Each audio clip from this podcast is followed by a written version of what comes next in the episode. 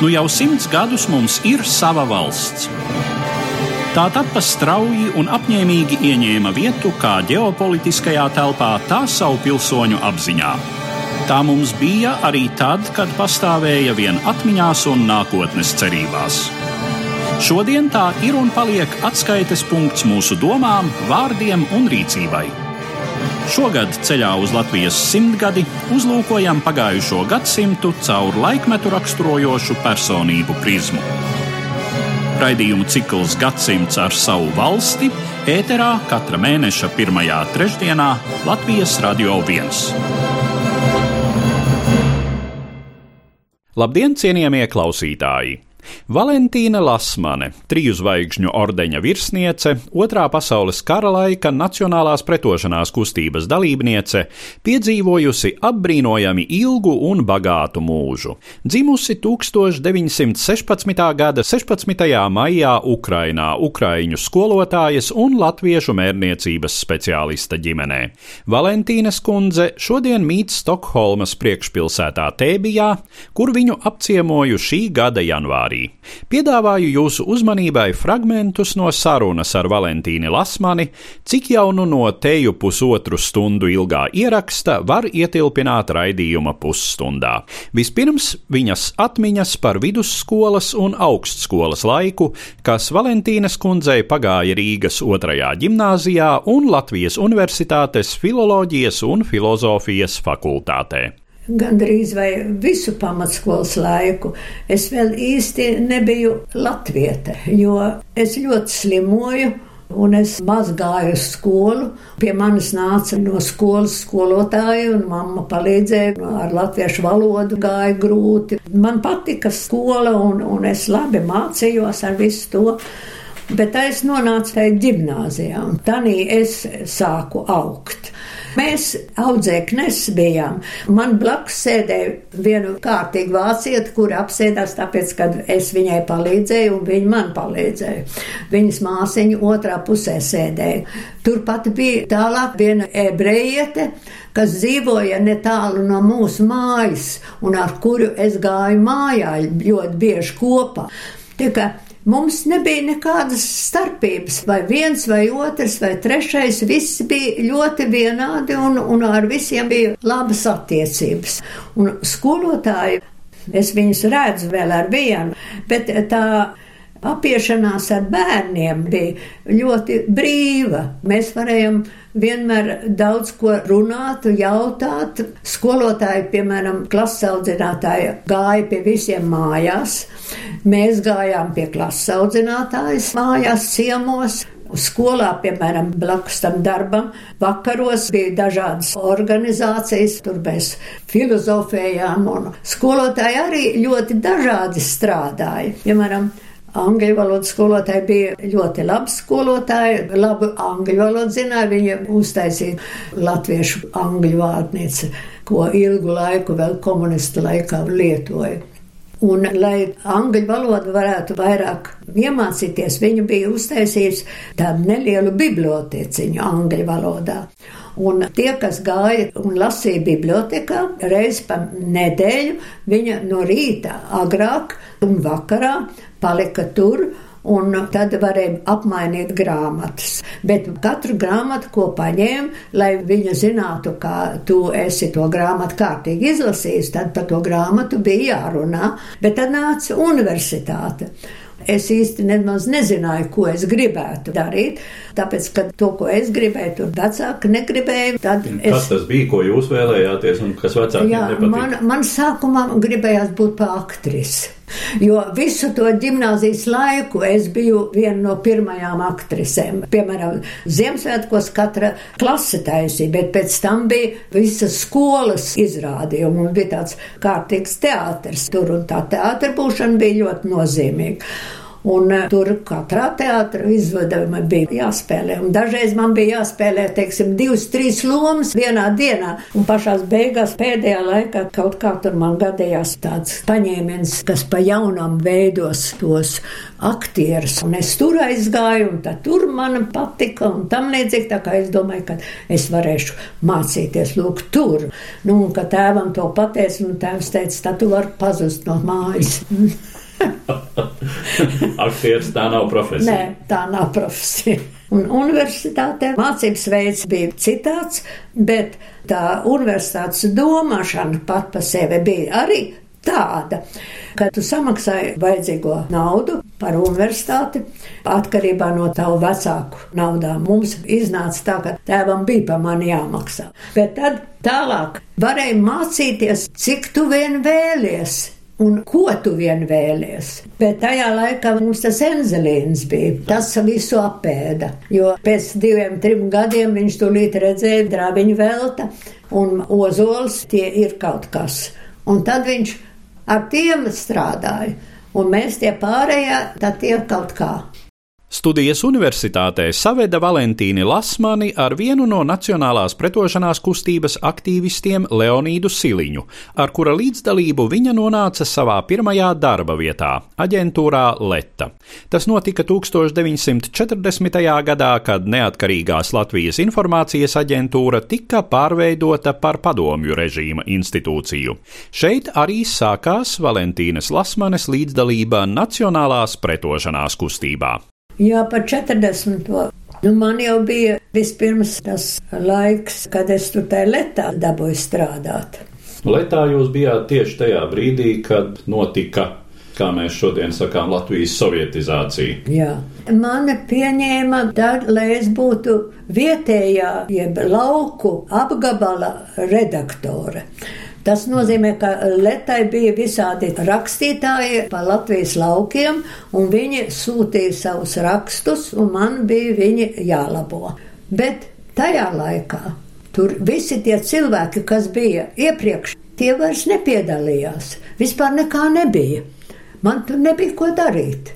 Un es tad sēdēju, un tad bija Rīgā esošie tie paši cilvēki, Leonīds Siliņš. Tas jau strādāja tajā lietā, un arī viņš bija tas, kas man paņēma līdzi, jo viņš netālu dzīvoja no mūsu mājas, un mēs uz universitāti gandrīz vai vienmēr kopā braucām tramvajā. Tā kā viņš bija mans kaimiņš. Un viņš bija arī tālāk universitātes organizācijā. Viņš bija vienotnē austrumā un es biju ausmā. Jo tā bija tāda ļoti stingra latviska organizācija lieta. Mēs jau mēģinājām tur būt eh, gan ar tautu kopā.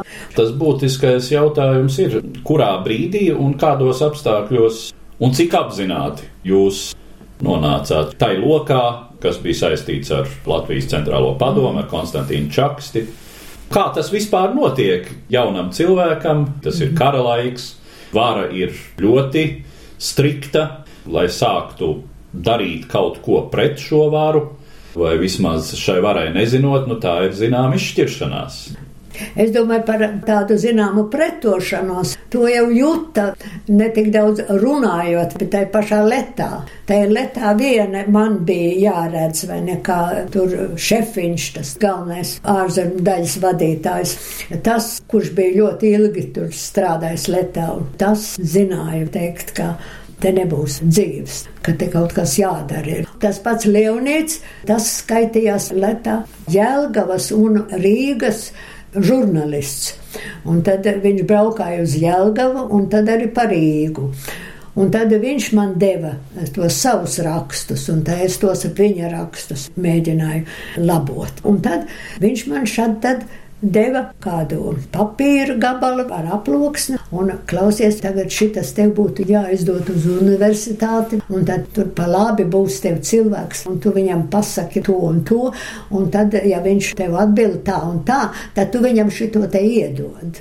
Tādas lietas es letā tiku darījusi. Un es saku, domāt, ah, tā tas notiek. Un tad es jūtos, ka tas ir pareizi. Es to darīšu, protams.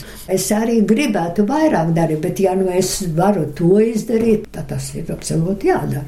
Man arī kastīte viena bija, kas bija jāved. Es tagad nevaru atcerēties nevis studentiem, bet iestādē bija jāmeklē sākumā konkrēti uzdevumi, mm. kuru būtību jūs nemaz Nē. nezinājāt. Nē, bet es sapratu, ka tas ir pret šo politisko situāciju.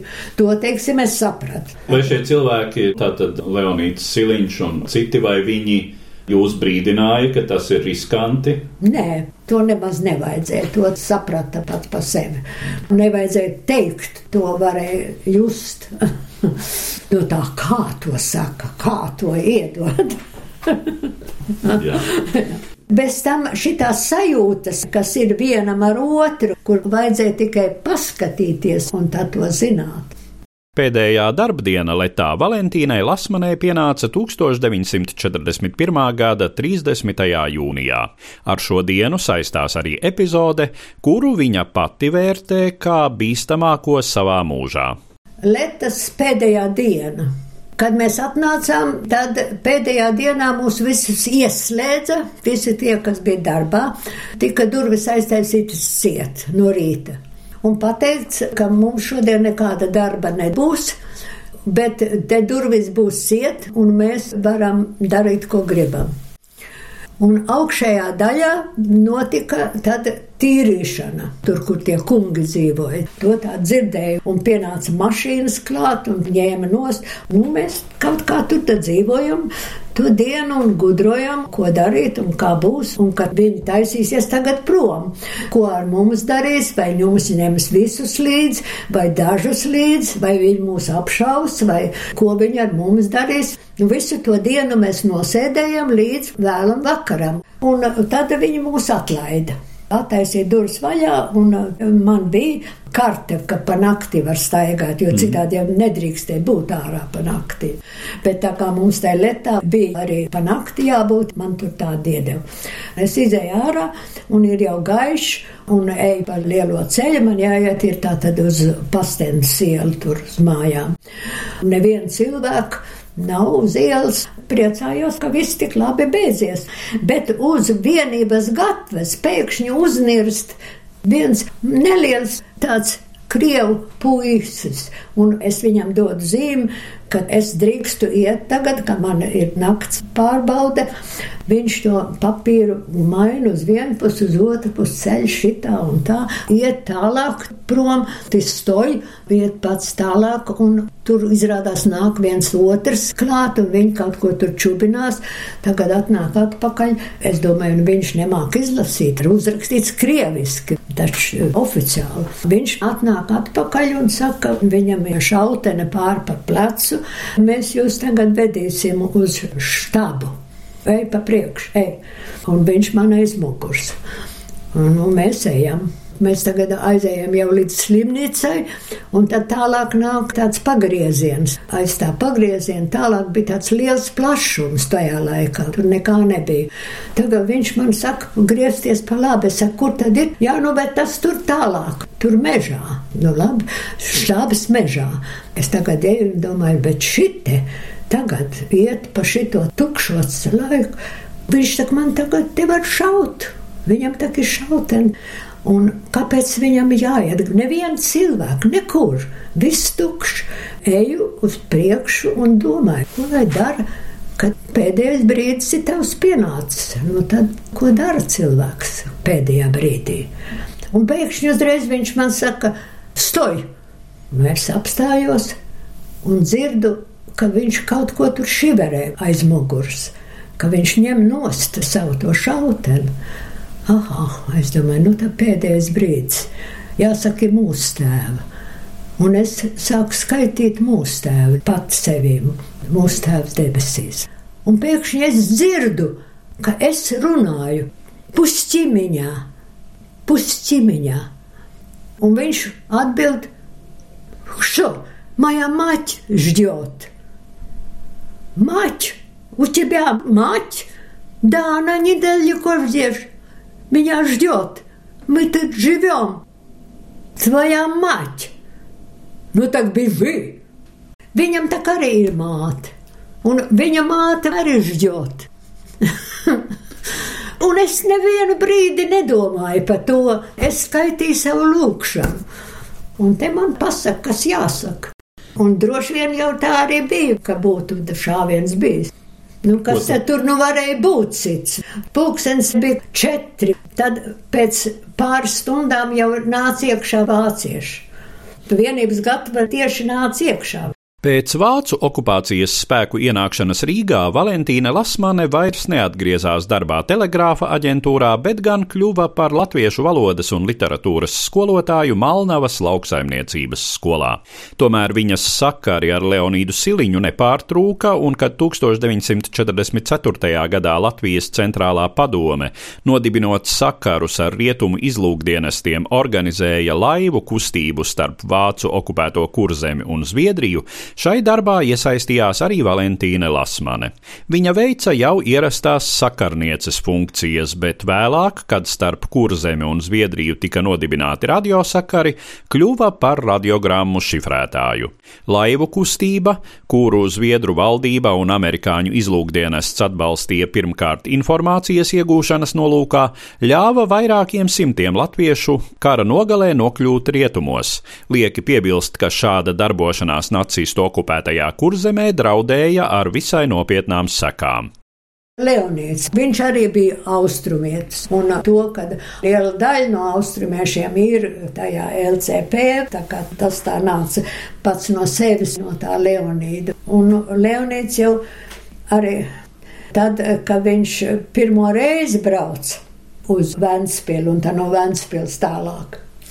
Tad viņš man arī aicināja braukt līdz viņam līdz Ventspilī.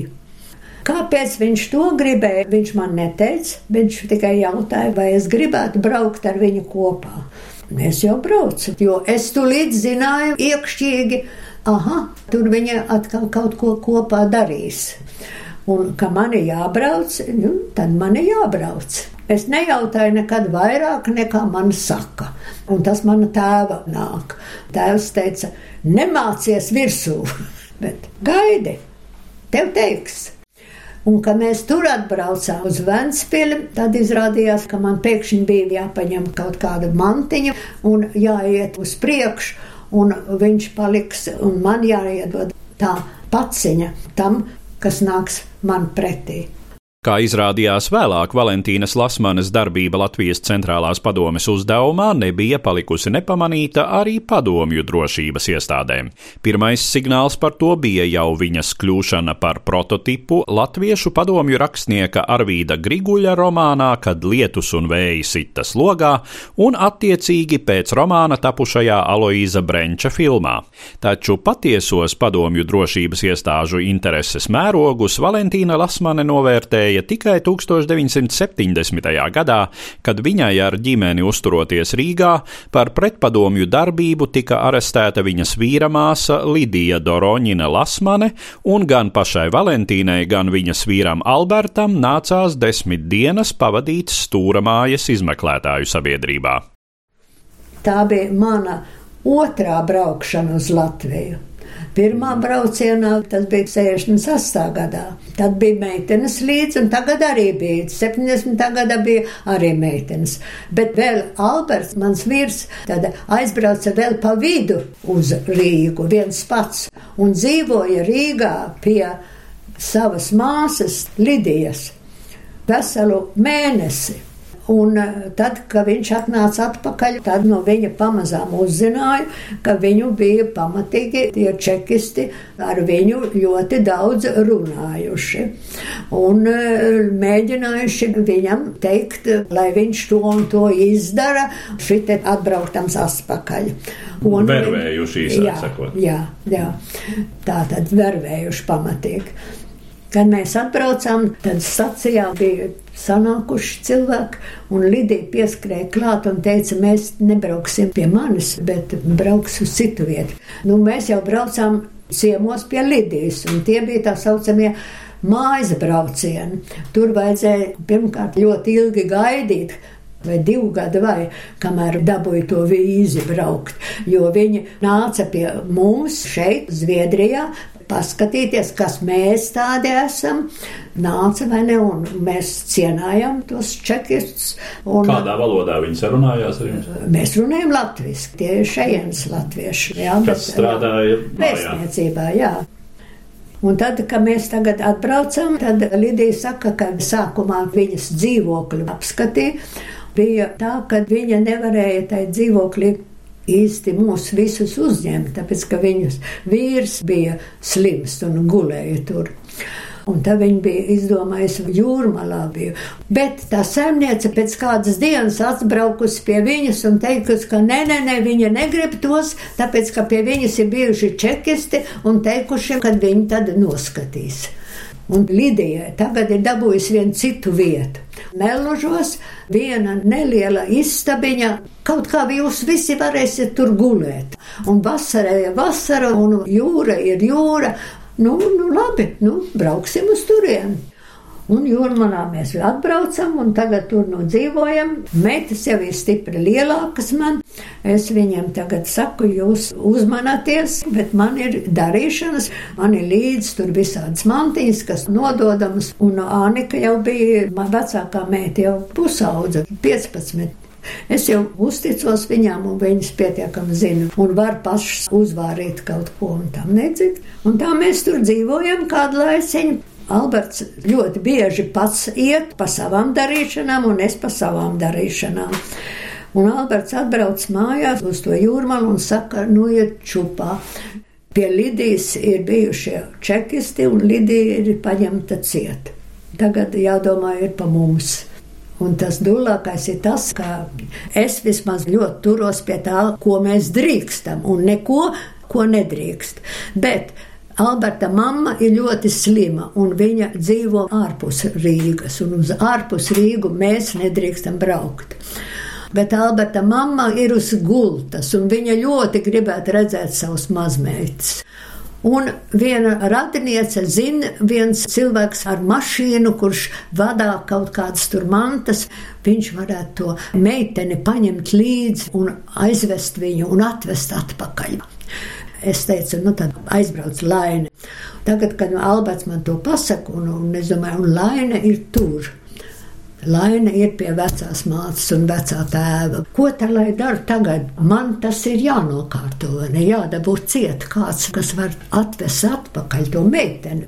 Un Alberts man stāsta vakarā, es nākamā rītā braucu agri no rīta uz Rīgu un gudroju, ka es iešu tur un tur, ar to un to tur runāšu.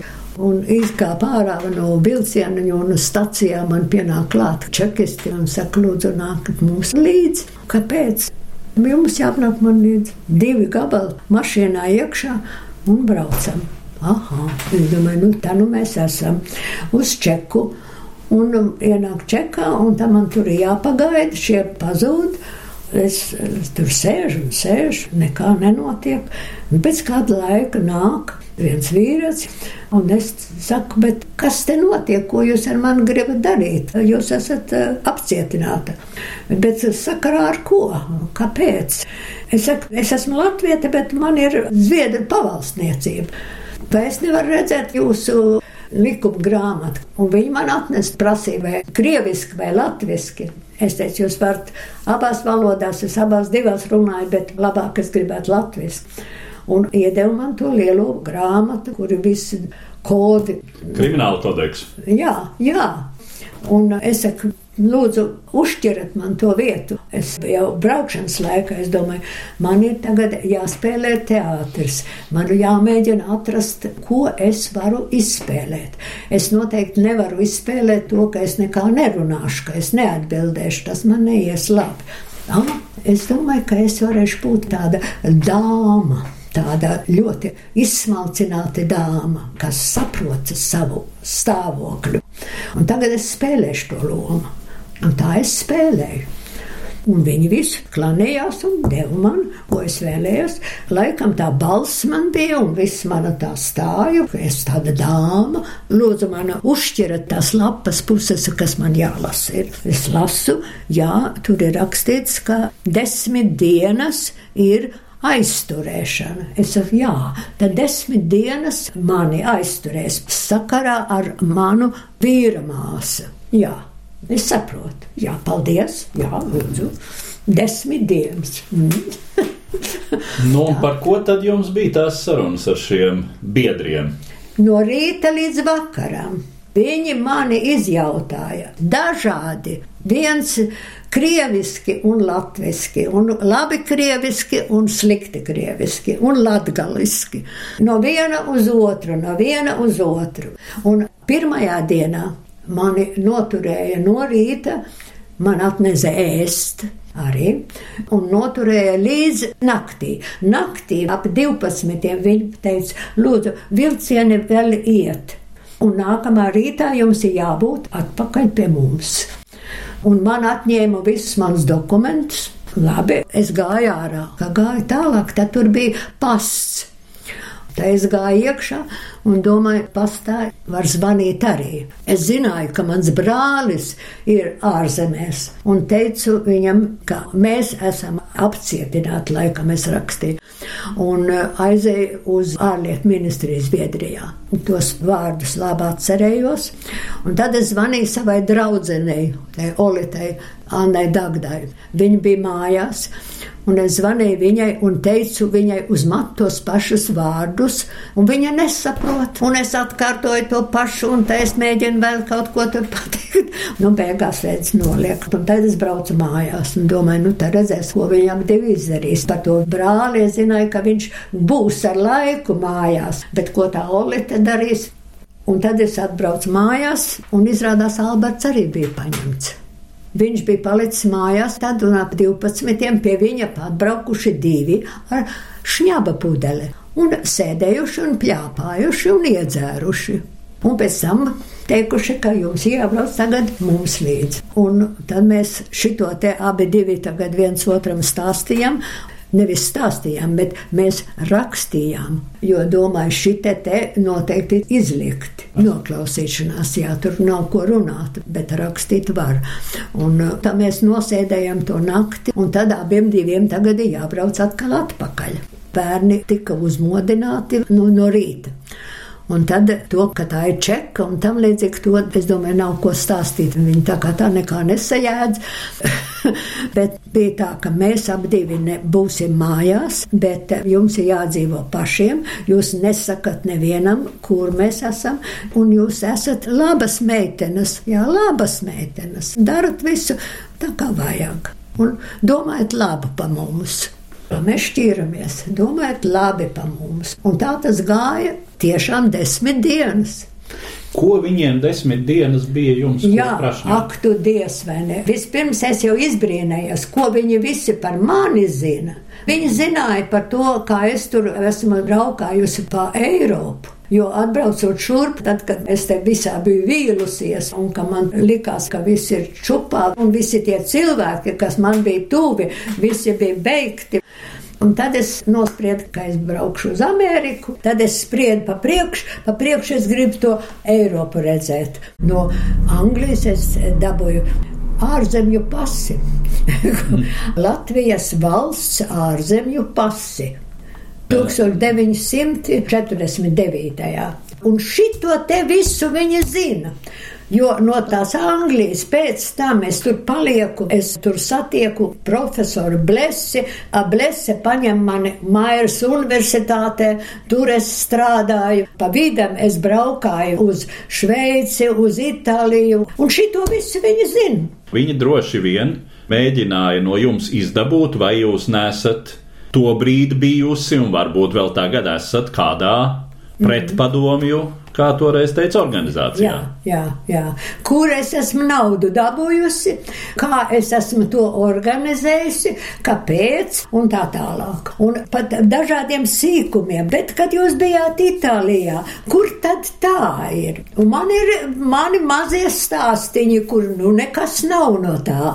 Vienkārši tā tas gadījās, un es visu to pieņēmu kā normālu lietu.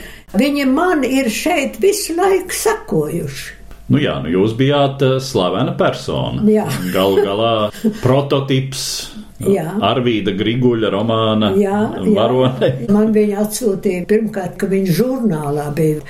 Un tas romāns, un tāpēc tam filmu, ko taisīja. Nu, un ir kaut kāda līdzība. Līdzība. Vismaz tur tās atklāšanas, tad, kad mana laine bija pie tā sava vectētiņa un vecmāmiņas, tad tas vecais tēvs viņai rādīja to filmu. Un tad, kad nonākusi pie tās vietas, tad viņš teica, meitiņ, meitiņ, nāc nu tagad prom. Pēc tam tu varēsi atkal skatīties. Tā kā viņa nedabūja redzēt, kā tas izskatās, ka viņas mamma būtu šitā rīkojusies, to man tā lainīta, pēc tam stāstīja, ka tā viņš ātri, ātri viņa prom no aparāta. Nu jā, tā kā viņi mani bija kārtīgi izprašņājuši visu sekot, un bez tam, ko viņi visvairāk interesējās, ko katrs te dara. Un tad nu, man bija visādi jāšmugulējās. Es jau tēloju visu laiku to dāmu.